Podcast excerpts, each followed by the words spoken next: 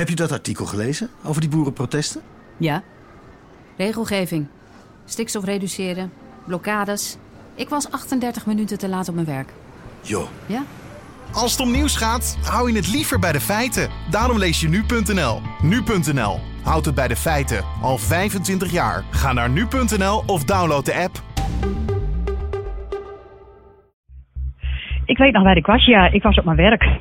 Ik zat op de wc en toen werd er op de deur geklopt dat de telefoon voor mij was. Nou, toen kreeg ik de telefoon in mijn hand en toen werd mij medegedeeld dat mijn schoonzoon Jan eh, bij het zwembad neergeschoten was.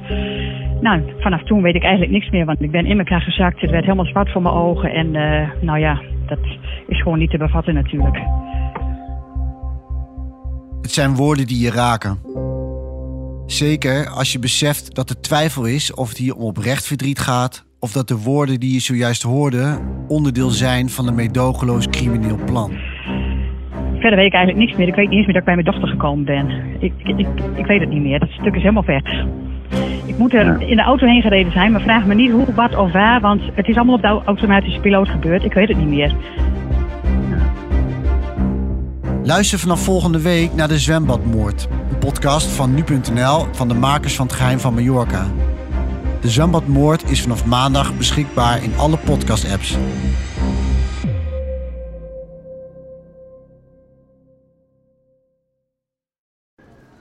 Heb je dat artikel gelezen over die boerenprotesten?